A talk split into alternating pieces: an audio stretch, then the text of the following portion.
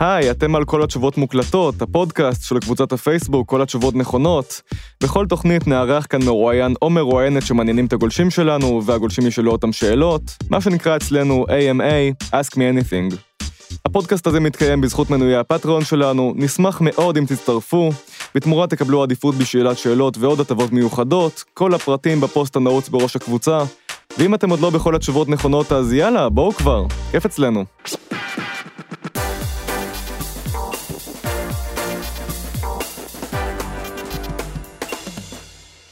כל התשובות מוקלטות, תוכנית שמינית, אני דור צח. אני רעות מרים כהן. מה קורה?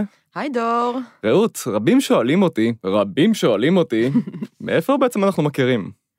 אנחנו מכירים uh, מהפעם ההיא שלקחת לי את העבודה בכלכליסט. נכון. אבל, אבל התקבלתי גם, אז זה היה בסדר. נכון, התחרנו על ג'וב ספציפי בכלכליסט, ואחרי זה עבדנו שם uh, עד חמש שנים, אני שש, והיום אנחנו עובדים במקום אחר לגמרי, שהוא... גלובס. מאוד התקדמנו בחיים. התקדמנו למקומות שונים לחלוטין, ואני חושב שמה שנחשפנו אליו, איזושהי הבנה שגם מחלחלת בשנים האחרונות, זה שהתחום הכלכלי, שאולי פעם נחשב משעמם, יבש, מורכב מדי, הוא באמת אחד היותר מרתקים שיש. מלא באנשים כמונו. ומלא באנשים... מרתקים כמונו. ובזמן שאנחנו ככה התחבאנו לנו מאחורי הקלעים, אז יש עיתונאית אחת, פחות או יותר בגילנו, שלא רק שנמצאת בפרונט, גם לוקחת את כל השיח הכלכלי הזה למקומות קצת אחרים. היי, אתם מאזינים לחיות כיס, אני צליל אברהם. היי, אתם על חיות כיס, אני צליל אברהם. היי, אני צליל אברהם, ואתם על חיות כיס, הפודקאסט הכלכלי של כאן. היי, אתם על חיות כיס, אני צליל אברהם. איפה הייתם בתום ארבע השנים הראשונות שלכם בשוק העבודה? היי, צליל אברהם. שלום רעות, שלום דור. בן אדם של front, אני לא תופסת אותך ככזה בן אדם של backstage, לא. בתחום הזה כן. בתחום הזה אני, אני מתחבא, אני נותן לך את ה... בחור נחבא לכלים כזה, מי מכיר אותו? כן. הצנוע הידוע. טוב, אה, אה, אני לא יודעת אם הצלחתם להבין את זה ממה ששמענו הרגע, אבל צליל היא מגישה ומיוצרי הפודקאסט חיות כיס, של כאן תאגיד השידור. היא גם יוצרת אה, סרטונים עבור כאן. היא כתבה סדרת טורים מאוד מצליחה על דור הוואי למגזין מאקו, הופיעה לאחרונה במיני סדרה באותו נושא, כתבה על ספרות להארץ ולשבעה לילות, עבדה כעורכת ברוב המקומות האלה, ובין לבין היא גם מגיבה, מגיבה קבועה ואהובה בקבוצה שלנו. אנחנו תכף נדבר על הדברים האלה, לפחות על רובם, אבל קודם כל איזושהי שאלת פתיחה. המוטו של חיות כיס הוא סיפורים על כלכלה במילים של בני אדם. זה מאוד ניכר בהגשה, באריזה של הפודקאסט, אבל אני לא חושב שהמילים הן כל העניין. מה אתם עושים כדי לגרום לאנשים שלא בהכרח מתעניינים בכלכלה, מתעסקים בזה, קוראים עיתונים, אה, לשמוע אתכם? יש את הבחור הזה שיושב פה מבעד לזכוכית, אה, אסף רפפורט, יש לו חלק בזה. אמ, אני חושבת שכאילו אפשר לצמצם את זה לתוך המילה סיפור. בסוף, בסוף סיפור זה דבר שיש לו כוח עצום עלינו, ו, ומשהו שיכול ללכוד אותך ולגרום לך, לפתוח לך את הצ'קרות, להאזין לכל מיני דברים שלא חשבת שתאזין להם. אחת התגובות שאנחנו מקבלים הכי הרבה היא, אה, לא חשבתי שאני אקשיב לפודקאסט כלכלי, לא חשבתי שאני אאזין לתוכנית כלכלית. אז זה לא רק המילים, זה משהו, יש משהו בכל המדיום הזה, שמאפשר לך להגיד דברים ולהאזין לדברים שאני חושבת שלא היו קורים בדרך אחרת. זה, זה לא לגמרי מנוסח לי בראש עד הסוף. זה משהו בקסם של פודקאסטים. וזה רק העניין של הקסם של פודקאסטים, או שיש כאן איזושהי תפיסה שאתם באים ואומרים, אנחנו שמענו את זה ואת זה ואת זה, זה נחמד, אבל אנחנו יכולים יותר, ואנחנו עושים ככה וככה וככה.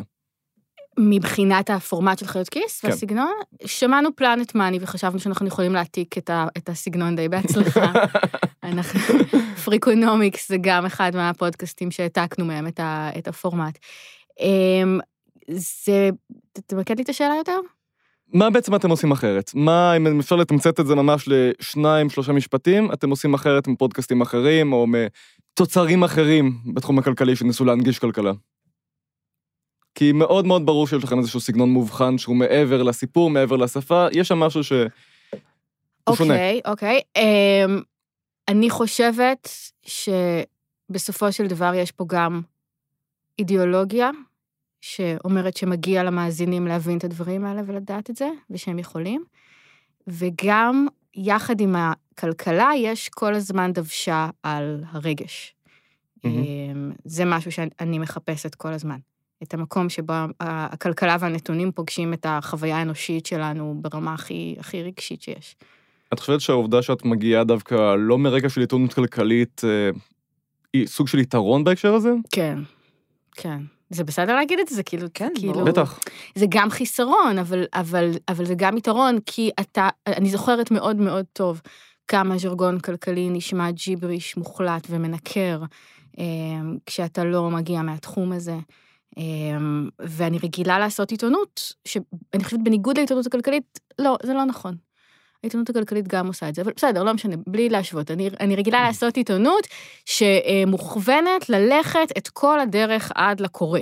שלוקחת על עצמה כאילו כל המרחק שיש ביני לבין הקורא, אני הולכת עד הצד האחרון, עד הפתח של הדלת, הוא לא צריך לעשות שום מאמץ כדי להבין אותי, כדי להגיע אליי, כדי להתחבר אליי. ו- ואני באמת מאמינה בזה כגישה, כאילו, בכל דבר שאני עושה. כל האחריות להיות בהירה ומובנת ומעניינת היא רק עליי. ולקחת את, ה- את התפיסה הפופולרית הזאת, שהיא באה ממאקו ומשבעה לילות, מקומות שעבדתי בהם, לתוך הכלכלה, אני חושבת שזה, יש לזה גם יתרון, זה מאפשר לעשות איזו סינרגיה. אוקיי, בואי באמת נדבר על הרקע שלך. אה, את כמעט בת 33, גדלת בקדימה צורן ובהוד השרון, איך הגעת לעיתונות מלכתחילה? יום אחד התקשרה אליי חברה, או אפילו לא היינו ממש חברות, אז uh, מישהי שהכרתי, uh, וסיפרה לי שהיא עוזבת את עבודתה בתור המפיקה במדור הספרות של ידיעות. Uh, ושאלה אם זה מעניין אותי, הייתי אז בת 22, 23, uh, אחרי השנת לימודים הראשונה באוניברסיטת חיפה, ואמרתי לה, כן, ונסעתי לשם באותו רגע לראיון למערכת של ידיעות. הייתי בלי ניסיון בעיתונות בכלל, אבל איכשהו שכנעתי אותם שאני פשוט יכולה להתחיל מחר, ושאני אעשה הכל כדי שזה יצליח. ו- ו- ותוך שבועיים בערך ידעתי שזה גם מה שאני רוצה לעשות בחיים. אז- איך- איך- איך איך החלטת כאילו ללכת דווקא על זה? מאיפה לא זה- החלטתי, כאילו פשוט ידעתי את זה. כאילו קיבלתי את, זה באמת היה כמו סרט, קיבלתי את הטלפון הזה ממנה, גם מרוב לחץ שברתי איזה כוס שם, אני זוכרת, היה הרבה דרמה סביב זה. לא ידעתי, כאילו, היו לי לפני, היו לי מחשבות על זה שהייתי נערה, אני נורא אוהבת חדשות, נורא אהבתי אקטואליה, בחירות 99, הייתי צמודה למסך ממש, הרצתי את קרן נויבך, עדיין. אמ, אבל לא, לא חשבתי שאני יכולה להגיע לזה ולא ידעתי איך, ואני זוכרת שראיתי שדור מתחיל אה, להשתלב בתקשורת באותה תקופה. ואמרתי, טוב, מעניין, אין לי מושג איך אם הוא עושים את זה. יכול, אז... אה, כן, אז זה לא באמת איזה רגע של, לא, אז זה לא באמת, לא, אני זוכרת שזה כאילו, שזה דגדג לי כזה, שאמרתי, וואי, מגניב שאתה עושה את זה, איך עושים את זה, כאילו. אז זה לא באמת היה רגע של התגלות, אבל היה, היה איזה, איזה, כן היה, אני זוכרת את זה כיום נורא דרמטי בחיים שלי, שפתאום הייתי לפני זה אולי אני אעשה כל מיני דברים, היו לי כל מיני מחשבות על מה אני אהיה שאני אהיה גדולה, ופתאום היה רגע כזה של, אה, זה. וזה היה כל כך חזק שידעתי שאפילו אם אני לא אתקבל לתפקיד הזה, אז, אז זהו, אז אני כבר יודעת, אז אני אחפש כאילו תפקיד אחר כזה. אה, וככה זה התחיל. איך התגלגלת דווקא לתחום הכלכלי, אחרי כל הדברים האחרים שעשית? Uh, באמת הייתי, כתבתי בעיקר על תרבות הרבה זמן ועל כל מיני תופעות חברתיות וכאלה. Uh, אני חושבת שזה קרה, אני, כאילו, תמיד אהבתי לקרוא, כאילו, קראתי את העיתונים הכלכליים והתעניינתי בזה, אבל כתבתי על זה פעם ראשונה כשכתבתי את הטורים על דור ה-Y במאקו, uh, שהם, זה לא התחיל כסדרה שאמורה להיות כלכלית. Uh, זה התחיל כ... כאילו, הכוונה שלי הייתה להתחיל איזשהו פרויקט שיקיף את הדור הזה מכל מיני בחינות.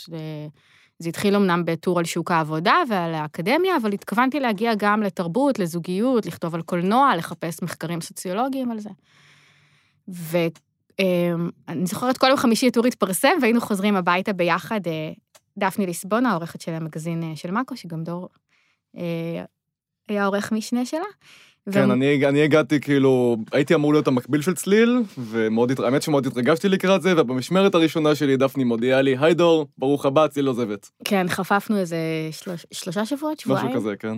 אז כל יום חמישי היינו מפרסמים את הטור, ואז היינו חוזרים עם דפני באוטו, עמרי קירון, שהיה עורך משנה לצידי, ו- ודפני, והיינו חושבים מה הטור הבא, וכל פעם היינו אומרים, טוב, נכתוב על זוגיות, או נכתוב על כל מיני דברים, ובסוף, איכשהו תמיד שוב כתבתי על, על שוק העבודה, או על שוק הדיור, ו, וככל שהעמקתי בזה, אז הבנתי שכאילו, שהמפתח לרוב התופעות שמעניין אותי לכתוב עליהן לפחות, שאני רואה, הוא, הוא במדיניות כלכלית, ואחרי הפרויקט הזה, התחלתי להבין, כאילו, שזה, שזה הדבר הבא ש, שמעניין אותי לעשות בעצם, התחיל להיות לי איזשהו מושג כזה, וכששאול אמסטרדמסקי הקים את הדסק הכלכלי בכאן, אז, אה, אז כבר נורא רציתי לבוא, כבר, כבר, אה, כבר ממש ידעתי שזה, שזה הצעד הבא. בואי נחזור שנייה, טיפה טיפה טיפה אחורה כן. לרגע שאת מחליטה, את אומרת, אוקיי, זה אולי לא יהיה סדרה, אבל אני חייבת לכתוב משהו על הסיפור של דור ה-Y, אני חייבת כאילו להתעסק בזה. כן. מאיפה זה הגיע? זה, זה עניין אותי המון שנים, הייתי, כש, כשעבדתי בידיעות אחרונות, אז פרסמתי ב-2012, שנה אחרי המחאה, כתבה אה, שנקראה רבע גמר על משבר רבע החיים, שזו תופעה שאנשים אה, בני 26, 7, 8, קצת אחרי הלימודים, או תוך כדי הלימודים, פתאום עוברים איזשהו משבר שדומה למשבר אמצע החיים, במובן הזה שכאילו הם מרגישים מין אכזבה כזאת מהחיים שלהם כאנשים מבוגרים, הם מרגישים שהם לא יוכלו למצות את כל מה שהם אה, חשבו שיהיה, ועוברים איזשהו שבר נפשי עם הדבר הזה.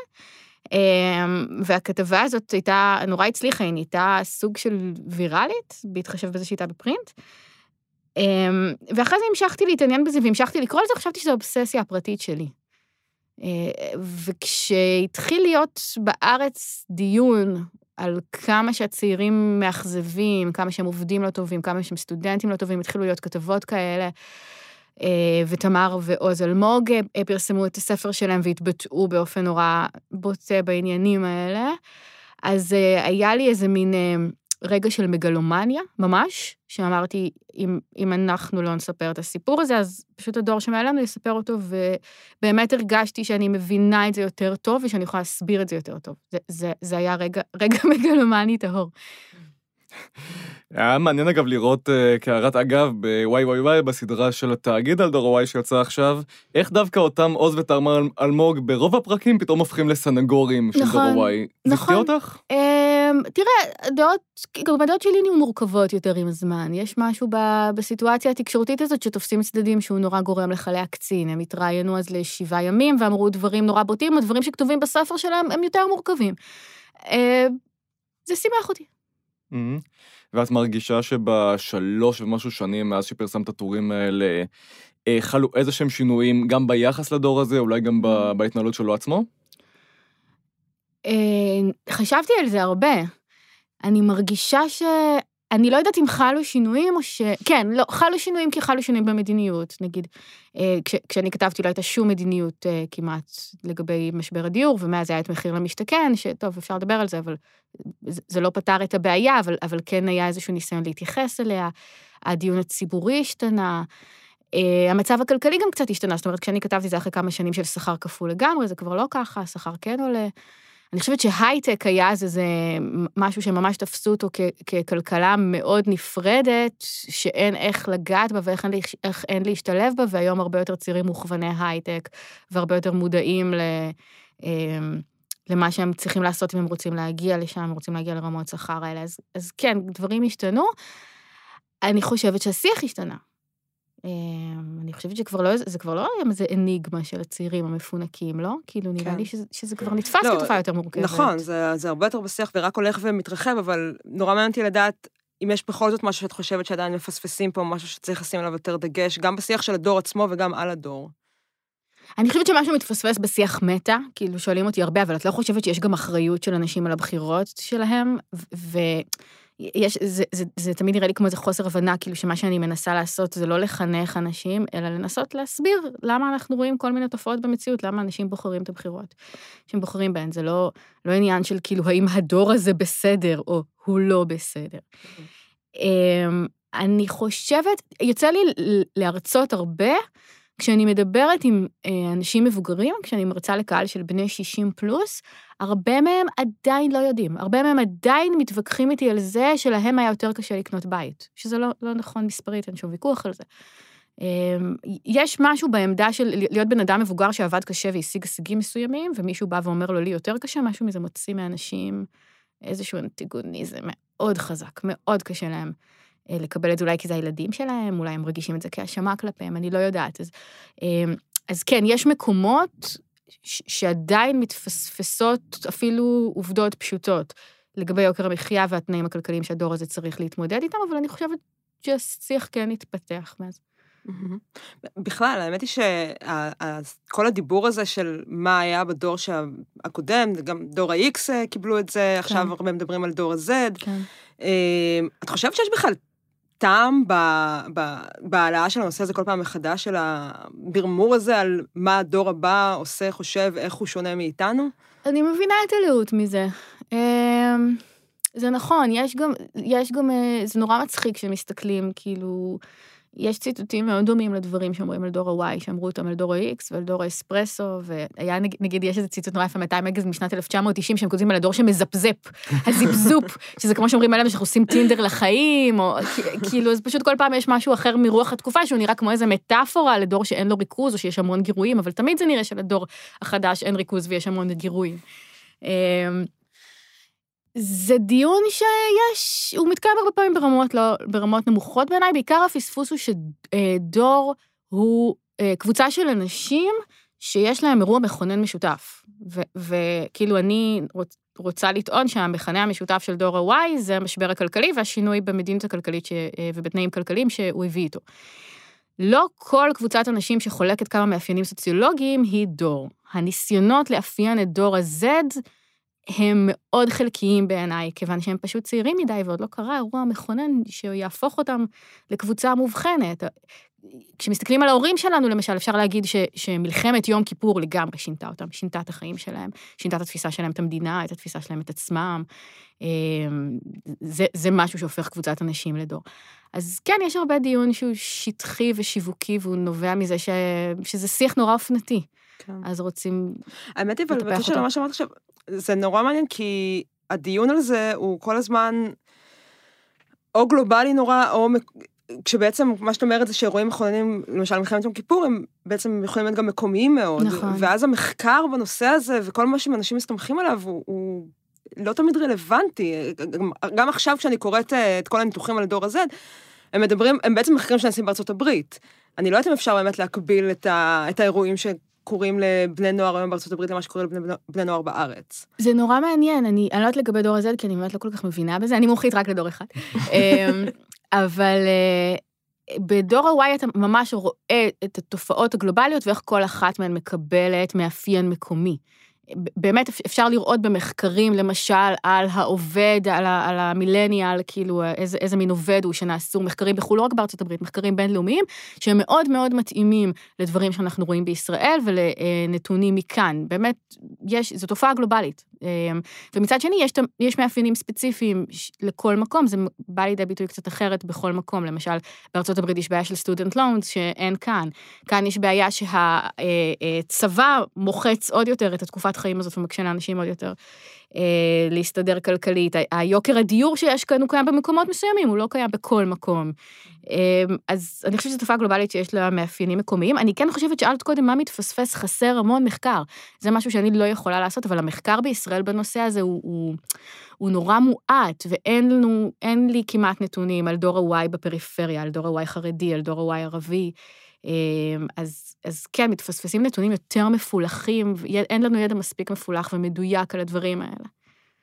אה, תגידי, כשאת עבדת על התחקיר, גם לסדרת טורים, גם להרצאות, גם עכשיו אולי לסדרה, איזה נושאים הרגשת שאמרת, וואי, זה ממש אני, זה בדיוק אני, זה בדיוק מה שאני עוברת, ואיזה אמרת, אוקיי, אני מכירה בזה שזה קיים, אבל אין לי מושג איך זה קשור אליי. מה חוויתי על בשרי, כאילו? כן. בעיקר מה שקשור לשוק העבודה, אני חושבת. שמה? כן.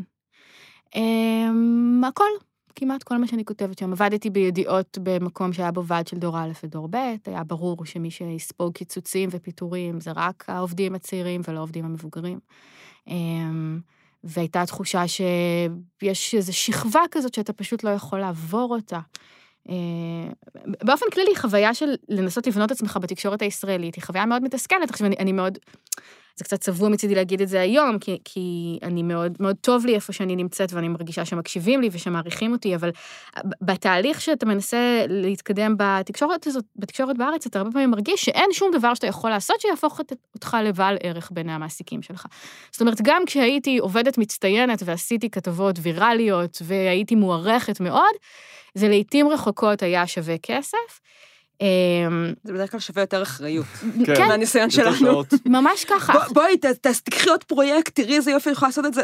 כסף פחות. כן, וזה גם משהו אמ, שכתבתי עליו, אבל אני עדיין, כאילו, אני מבוגרת מדי בשביל להכיל את השינוי הזה על עצמי. כאילו, היינו רואים, נגיד, במאקו, עובדים צעירים לא מתלהבים מהבמה, שייתנו להם במה. לא, הם רוצים כסף.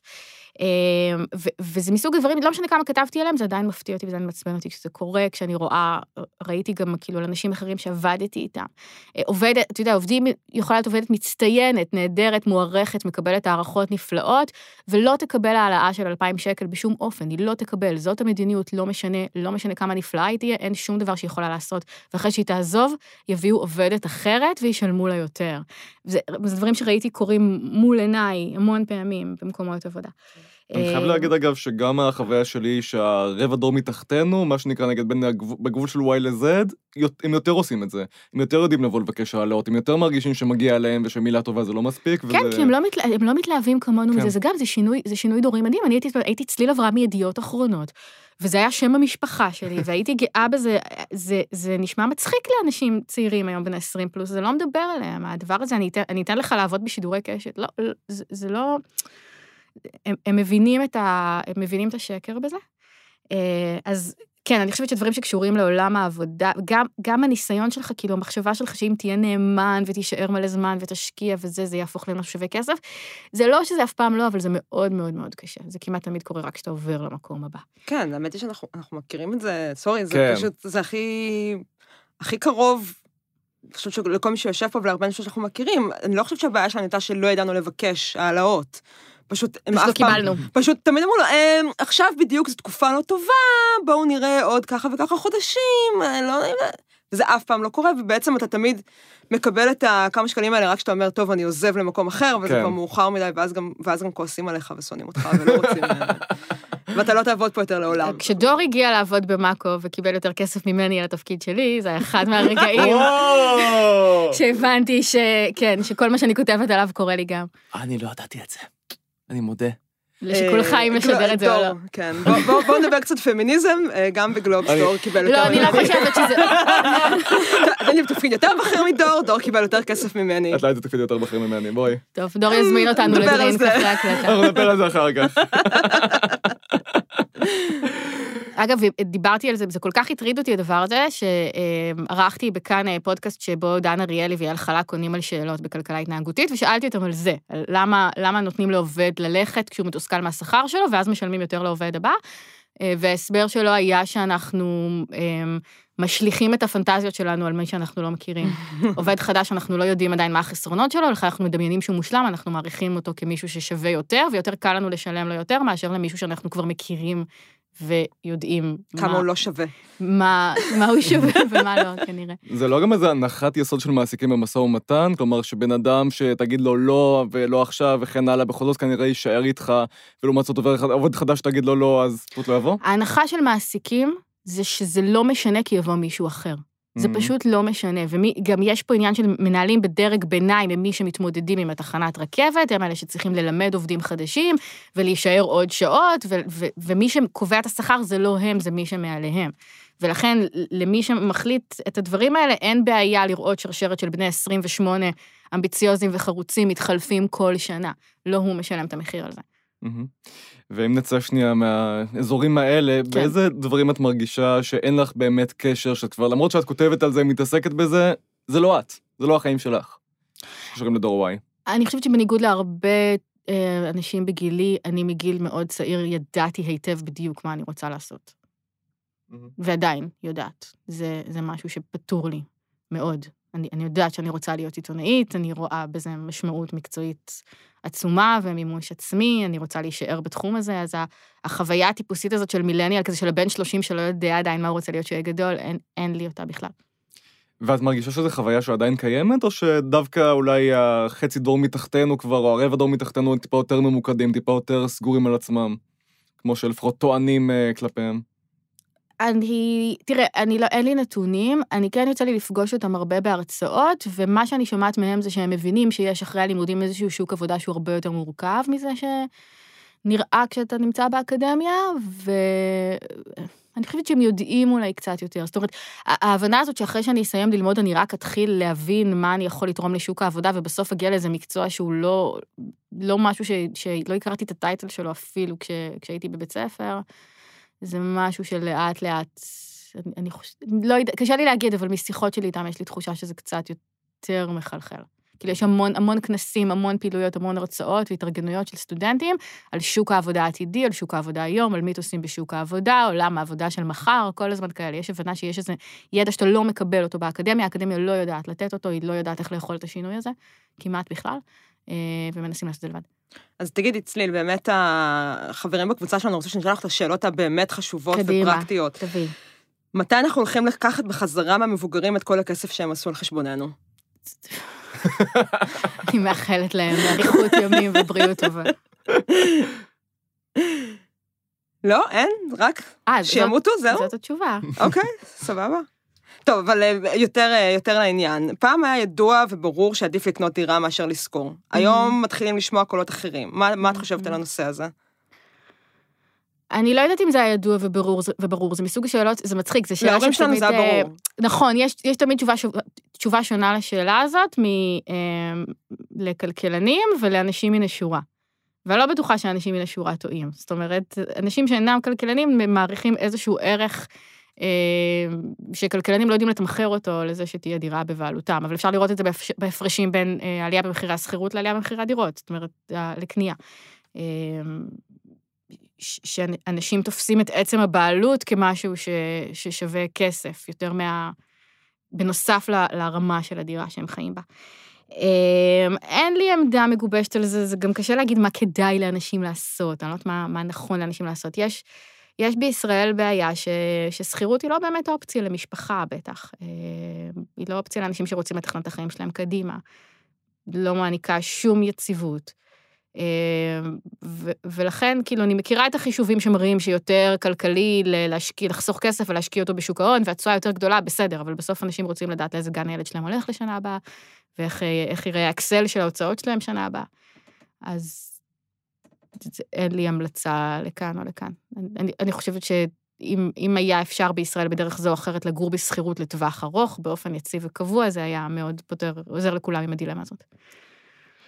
אנחנו ככה יוצאים אה, אט-אט מהטריטוריה של טורי דור ה-Y לטריטוריה יותר של חיות כיס. מהמם. אז זה הזמן לשאול, מה בעצם הפרק שאת הכי גאה בו, ושהמאזינים שלנו צריכים לשים בפלייליסט שלהם מיד אחרי כל הפרקים של אה, כל התשובות מוקלטות? רגע, אני צריכה שנייה להגיד חיות, כי זה הפודקאסט הכלכלי של כאן, ואני מגישה אותו עם שאול אמסטרדמסקי ועם דנה פרנק, עורך אותו רום אטיק, ועורך הסאונד שלו אסף רפפורט. קרדיט שני בתוכנית הזאת, אה, יהיה אחרון בסוף. אמ, אני ממש אוהבת את הפרק מה קרה להפועל גבת יגור, אמ, פרק שהגשתי עם דנה פרנק, התחקיר הוא בעיקר של דנה. זה פשוט מסוג הסיפורים, את רוצה להשמיע שנייה אינסט? אה, כן, נשמיע קטע קצר מתוכו. לפני שנתחיל, שאלה. מי זכה בגביע המדינה בכדורסל ב-1977? נכון, מכבי תל אביב. ומי זכה ב-1976? וזוהי שריקת הסיום, 72-67 לגבת יגור.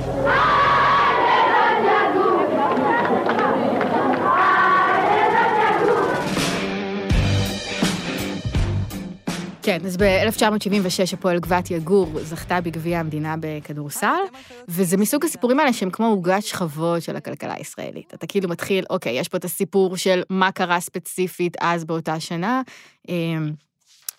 הכדורסל הקיבוצי, שהיו כל מיני תנאים שאפשרו לו להתפתח ולהפוך להיות אה, אה, ענף מצליח, לעומת הכניסה של אה, זרים מחו"ל, ששינתה את הכדורסל בארץ, ו, ויש את השכבה של זה שזה קרה ב-77, וזה סימבולי עם התפרקות התנועה, לא התפרקות, אלא תחילת, ה, כן, תחילת ההתפרקות של התנועה הקיבוצית, כשהקיבוצים מבינים באיזשהו שלב שאין להם כסף יותר להשקיע בכדורסל. ושהם לא מצליחים להשתלב בעולם הגלובלי הזה שבו צריך לשלם לשחקנים מחוץ לארץ כסף. וגם על רקע מהפך, אני מניח, לא? ש... כן, זה כאילו ש-77 זה שנה שכל מה שקרה בה מבחינה כלכלית ופוליטית הוא, הוא מיד מקבל עוד משמעויות סימבוליות. ויש את האנשים עצמם, את החוויה של להגיע לגבת, ושכל אדם בשביל ובחדר האוכל יכול לספר לך, פה ישנו השחקנים ופה היה המשחק. אתה מגיע לאיזה מקום שהוא, יש איזה זיכרון שהוא משמר אותו בתוכו, שהוא ממש חי. אני זוכרת את הרגע הזה שהגענו, לקחו אותנו, ה, ה, אני באה להגיד המזכירה של הקיבוץ, אבל לא קוראים לזה ככה יותר, ראש, מנהלת קהילה, משהו כזה, ואחד השחקנים למגרש הכדורסל שבו שיחקה הפועל גבת יגור. עכשיו, זה מגרש חנייה. אתה עומד במגרש חנייה, והם עומדים שם, שניהם ועוד איזה קיבוצניק זקן, ופה היינו יושבים, ופה זה, וכאן היה סל, אני הייתי באה לשמור מקום. זה, זה, זה כאילו פרק שמקפל בעיניי בתוכו את כל מה שאנחנו רוצים לעשות בחיות כיס, את ה- כאילו גם ההבנה של מדיניות כלכלית ושל שינויים גלובליים, וגם היסטוריה ורגש ואיך זה משפיע על חיים של אנשים ברמה הכי כאילו אמוציונלית. תגידי, יצא לך להגיע לאיזשהו פרק עם איזושהי דעה מראש, ואחרי מחקר, התעמקות וזה, פתאום הבנת שאת בדעה או הפוכה לגמרי או פשוט שונה? אה, כן, כן. הפרק האחרון שפרסמתי, שיצא לפני שבוע, המחסן שקרא את הקיבוץ על המרלוג ביד חנה, זה פרק שהתחיל משיחה שלי עם תושבת שסיפרה לי אה, על זה שהולכים להקים אה, מרכז לוגיסטי ענק אצלם בקיבוץ, שנשמע באמת משהו שהוא לא הגיוני בקהילה כפרית קטנה.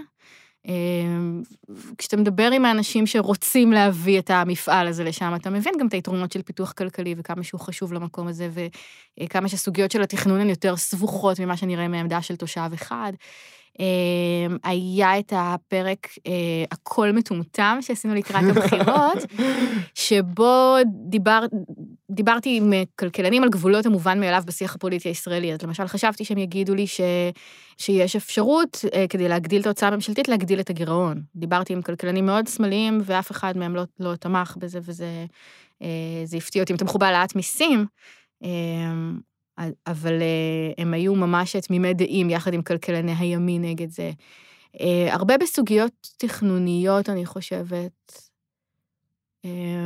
אה, בנושא של פיקוח על שכר דירה, התחלתי, הזכרנו אותו באיזשהו פרק, לא הפרק שלם על זה, אבל התחלתי לקרוא על זה והבנתי שזה מאוד מאוד מסובך לעשות את זה טוב, מאוד. זה לא כזה, בואו פשוט נפקח על שכר הדירה וכל הבעיות ייפתרו. זה, זה כנראה ברוב המקרים לא עובד. כי מה? אז אני לא, הדעה שלי לא סופר מגובשת, אבל כאילו ממה שהבנתי וממה שקראתי, כמו ברגולציה, אתה כאילו, אתה קובע משהו ואתה לא יודע איך זה משפיע, והשיטה של ממש לקבוע שכר דירה או להגביל את ההעלאה שלו, היא, היא כנראה מאוד קשה לעשות אותו נכון, זה כנראה הרבה יותר מתוחכם, הרבה יותר מסובך אה, לפקח על שוק שכירות או לגרום לזה שוק שכירות יציב. את מרגישה שהעבודה על הפודקאסט שינתה את העמדות הפוליטיות או הכלכליות שלך? השפיעה עליה? אה, אני מרגישה שהיא רופפה אותן קצת. כאילו, הבנתי שהעמדות שלי לא כאלה חשובות. אה, ושזה נורא נחמד להגיע משוחררת מהן לדיון, לא בניסיון להוכיח אותן או להגן עליהן, אלא פשוט לשמוע. אה, הערכים שלי לא השתנו. אני יודעת מה בעצם, מה שבעצם אנשים רוצים לדעת זה האם אני קומוניסטית. והתשובה היא אה, שמבחינת הערכים, אני לחלוטין מאמינה שזה בסדר גמור שהמדינה תתערב בכלכלה, תגבה מיסים, אמ, ואני חושבת ש, שזכויות עובדים זה דבר מאוד חשוב, אני מאמינה בעבודה מאורגנת, אני מאמינה במדינת רווחה, ואין לי שום בעיה ערכית או מוסרית עם זה שהמדינה ת, תפקח ותדאג לדברים האלה, בשביל זה הקמנו מדינה, זה חלק מלהיות חבר בחברה אנושית. Mm-hmm. אני לא חושבת שזה תמיד הדרך הכי טובה, פשוט. כן. אמ, זה, זה אולי השינוי, זאת אומרת, יש מקרים שהערכים לא השתנו, אבל, אבל המדיניות זה משהו אחר. לא תמיד זה הדרך הנכונה לעשות דברים. הצורת עבודה הזאת שינתה בך משהו ברמה האישית? מה זאת אומרת? כל ההתעסקות בתחומים האלה, המחקר הכל כך עמוק בנושאים שהם יומיומיים אה, לחיים שלנו. משהו ברמה אישית, מה, באופי כאילו? באישיות? בתפיסת עולם שלך, באיך שאת מתנהלת ב... לא ברמה הפרקטית של האם אני שוכרת או קונה דירה עכשיו, אלא... אוקיי. אה, אני לא יודעת אם לזה התכוונת, אבל יש איזה משהו כזה בדיבור שלנו, או לא שלנו, כי אתם עיתונאים כלכליים ומכירים את התחום הזה, אבל אה, יש משהו בשיח של הרבה אנשים שמדברים על המדינה, והמדינה זה הרבה פעמים איזה מין רוע ארטילאי כזה, שום דבר לא עובד פה, ושום דבר פה לא כמו שצריך, והמדינה רוצה, והמדינה זה, וגם התקשורת הרבה פעמים מציירת את זה ככה, יש המדינה, או מקסימום הממשלה. אמ, ובתוך העבודה, אתה מבין, או אני הבנתי כמה ש... זה מערכת כל כך מורכבת של כל כך הרבה גופים, כל כך הרבה איזונים ובלמים. בפרק החלום הישראלי, למשל, דיברתי על המדיניות לגבי חוות בודדים בנגב. אז המדינה זה מינהל התכנון שעושה לאנשים בעיות או לא עושה להם בעיות לעלות לקרקע, המדינה זה אה, משרד השיכון שרוצה להקים, אה, שרוצה שיהיו שם חוות בודדים, המדינה זה גם בית המשפט שאומר, לא, זה פוגע בערכי השוויון. וזה חשוב בעיניי כי... כשמסתכלים על המדינה כעל איזה רוע גדול כזה, אז זה נראה משהו קפקאי, משהו אקראי כזה. מין, זה מין כאילו ה, ה, הנשיפת בוז הזאת של האזרח שמקבל שירות לא טוב מהמדינה, או שרואה שדברים שלוקחים הרבה זמן, ו, ו, והמסקנה שלו לגבי זה היא שכלום לא עובד.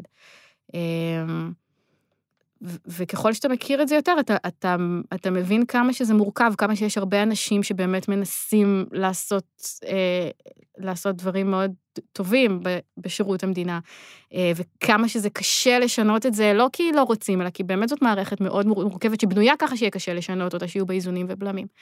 זה חשוב גם לשקף את זה הלאה, לדעתי. אמרתי קפקאי, וזה הזכיר לי את הפרק האהוב עליי בחיות כיס, את הפרק על אה, קפקא. איך בכלל הגעת לחבר בין אני יכול להבין איך הגעת בזה ברקע שלך, בין כלכלה לספרות וכן הלאה, אבל זה לא מובן מאליו לקחת uh, בכל זאת סופר, אמנם מגדולי הסופרים בהיסטוריה, אבל בכל זאת מישהו שהיום אה, אולי יש פחות דיבור עליו, דיון עליו, פחות עוסקים בו, בטח בפודקאסט שאמור להיות מנגיש, ולהגיד, רגע, רגע, רגע, יש כאן בעצם סיפור אחר לגמרי. איך הגעתם לפרק הזה? Uh, טוב, זה, זה חלק מ... זה קורה בזכות זה שאני באמת לא באה מעיתונות כלכלית והרקע שלי לא בכלכלה, הייתי... Uh, הייתי מגישה מחליפה בתוכנית מה שכרוך, מגזין הספרות היומי של כאן תרבות, של יובל אביבי ומאיה סלע, ומאיה הזמינה לאולפן את עודד וולקשטיין, שהוא עורך ספרותי נפלא וידוע, אמ, והוא פרסם ספר מסות שבו הוא כתב על הנושא הזה. דיברנו איתו על זה, וזה היה כזה רגע כזה של דינג דינג דינג דינג כזה, שאנחנו חייבים לקחת את זה לחיות כיס. אמ, זה באמת, להצליח לחבר את הספרות לכלכלה, זה כאילו, זה קתרזיס. בוא רק נאמלק באיזה ארבעה חמישה משפטים מה היה בפרק. בעצם אנחנו מספרים בפרק על מחקר שבו חוקר אה, של קפקא חשף את החיים המקצועיים שלו ואת זה שהוא לא היה פקיד ביטוח, אלא הוא היה אחד מהאנשים שפיתחו את התחום של תאונות עבודה, ועד כמה הפילוסופיה של ביטוח תאונות עבודה השפיעה על הספרות של קפקא באופן שאנחנו לא מבינים כשאנחנו קוראים אותו. זאת אומרת, הקריאה שלנו את קפקא בתור האזרח בשער החוק היא אולי לא נכונה, הוא גם השומר בשער החוק. Mm-hmm. משהו קצת אחר. Mm-hmm. אני זוכר כאילו שאמרתי לך פעם, כן, איזה פרק מעניין, אני הולך לקרוא את התמלול, אין לי כוח לשמוע את זה עכשיו, אני הולך לקרוא, ואת ממש צחקת עליי. סליחה. לא, זה, זה היה מובן גם, אני הבנתי את זה. מאז אני קצת שיניתי את דעתי, אחרת כנראה לא הייתי פה מקליט פודקאסט. אה, אבל עדיין, זה הפורמט שאת חייבת לצרוך בו תוכן, לייצר בו תוכן, או שיש לך איזשהו פורמט שהוא המועדף? זה היום לגמרי הפורמט שאני חייבת לייצר בו תוכן, כי באמת יש בו אפשרות מדהימה להגיע לרמות מאוד גבוהות של מורכבות, שאין בשום דבר אחר חוץ מכתבת מגזין, אבל בנוסף לכתבת מגזין יש לך פה את הכלים של הסאונד, של לשמוע את הקולות, זה כאילו כלים של של טלוויזיה, של, שיש להם עוצמה מאוד מאוד חזקה, היכולת לרגש, כאילו ללחוץ על הדוושה של הרגש, שאני מאוד מאוד אוהבת, אה, היא, היא הרבה יותר מגוונת. אה, אני מרגישה שזה, שזה המדיום שחיכיתי לו, כאילו שבשביל הסיפורים שאני רוצה לספר, אה, זה ממש, זה ממש מושלם. לגבי לצרוך, כן, היה אצלי, זה, זה לוקח זמן להתרגל לזה, כאילו, אני זוכרת בהתחלה שהתחלתי לשמוע פודקאסטים, היה לי קשה להתרכז. אה, היום אני מעדיפה, נגיד, אני מעדיפה לשמוע פודקאסט ולקרוא כתבה על משהו, או אם יש גם וגם, אז אני אעדיף להאזין, פשוט זה עניין של הרגל. הזכרת אה, טלוויזיה, אז שאלו אותנו גם על הסרטונים שאת יוצרת אה, לכאן. מה בעצם היה הסרטון שאת אהוב עלייך, שאת הכי גאה בו, ו- ולמה? אז קודם כל אני אגיד שאני מרגישה שבתחום של וידאו עוד לא, עוד לא פיצחתי לגמרי. את איך נכון לי להתבטא ומה הדרך הכי אפקטיבית להעביר את, ה, את המידע שאני רוצה להעביר ככה, אבל יש, אה, אנחנו עכשיו בדיגיטל של כאן, יש לנו סדרת סרטונים שנקראת חיות כיס, ויש שם אחד מהם אה, שמדבר על אה, למה נהגי האוטובוסים לא נחמדים. אם אתם נוסעים בתחבורה ציבורית, אתם מכירים את הרגע הזה. האוטובוס סוף סוף מגיע, ואז אתם מוציאים את הרב-קו ונדרכים. אתם חייבים להספיק לעלות לאוטובוס לפני שהנהג יסגור עליכם את הדלת. אבל למה נהג האוטובוס לא נחמד אליי? למה הוא לא עונה כשמדברים אליו?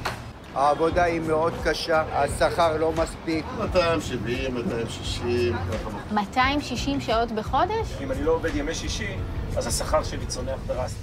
זה בעצם מהלך מאוד פשוט שאני מאוד אוהבת לעשות. יש משהו בחיי היום שמעצבן אותנו, הוא לא תוצאה של גורל קפקאי, הוא תוצאה של מדיניות כלכלית, של אה, מדיניות הפרטה ותחרות בין חברות האוטובוסים, שיש לה הרבה יתרונות, זה לא, לא יותר גרוע בהכרח מהקואופרטיבים של פעם, אבל השכר שמשולם לנהגים כל כך נמוך, שבעצם אנחנו נוסעים עם אנשים שהם בשחיקה טוטאלית. אה, ומי שיצא לו לחוות שחיקה בעבודה, זה כאילו, אין, אין עם מי לדבר, זה לא עניין, זה משהו שהרבה פעמים אנשים יגידו, אך, התרבות הישראלית, לא יודעים לתת פה שירות, לא, זה, זה עניין של מדיניות.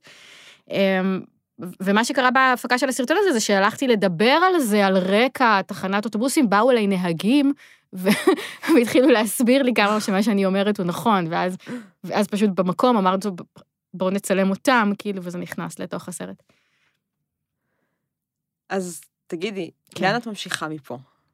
ספר, נגיד, זה משהו שעל הפרק מבחינתך? וואי, הלוואי שהייתי כותבת ספר, אני לא יודעת איך עושים את זה, אני נורא רוצה, יש, אין לי אה, מושג. את יכולה להתחיל מלהקליט ואז אה, לתמלל. לא, טכנית אני מאמינה שאני אסתדר, אבל כאילו, אתה צריך לרצות להגיד משהו שלוקח 400 עמודים להגיד אותו.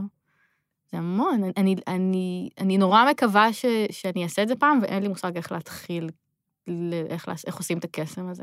לא יודעת, הלוואי. אוקיי. אה, איזה טיפים את יכולה לתת למישהי שרוצה קריירה כמו שלך? למצוא את העבודה, למצוא כל עבודה שיכולה בעיתונות, זאת רע ככל שתהיה, ולהתחיל לדחוף כתבות לאורחים.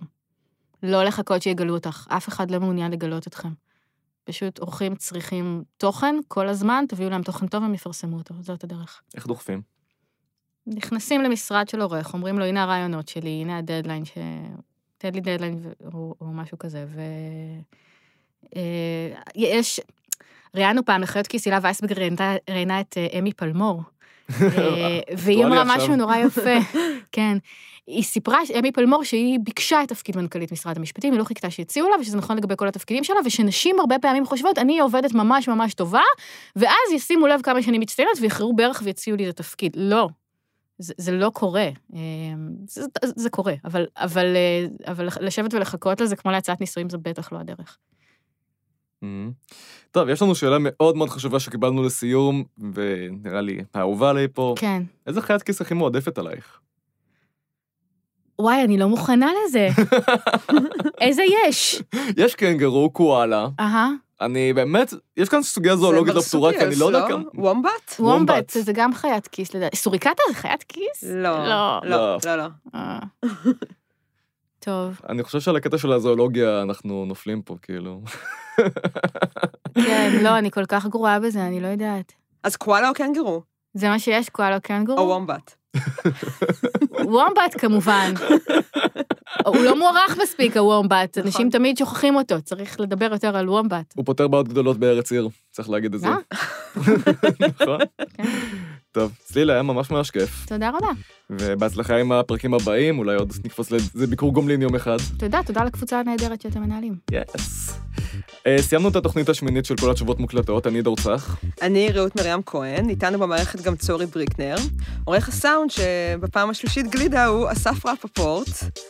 אה, תודה רבה גם לגולשות ולגולשים ששלחו לנו שאלות, ענת קמרד, עודד פוירשטיין, שגיא רוזנטל, לי לביא, פורטגנג? פורטגנג. פורטגנג. מהמם. תמר מרקוביץ', שיר קנובלר, ארנון בן דוב, דדי כהן, מאיה זיו סילבר, אורלי לוין סגל, גלעד שרם, דניאל פלג, עדן עדן שמחי. שמחי, שחר גת ויונה כהן, כמה שואלים. המון המון, אה, אחד הפרקים היותר אה, נשאלים שלנו. מדהים. איזה כיף. אה, תודה רבה, תודה. תודה צליל. יאללה ביי.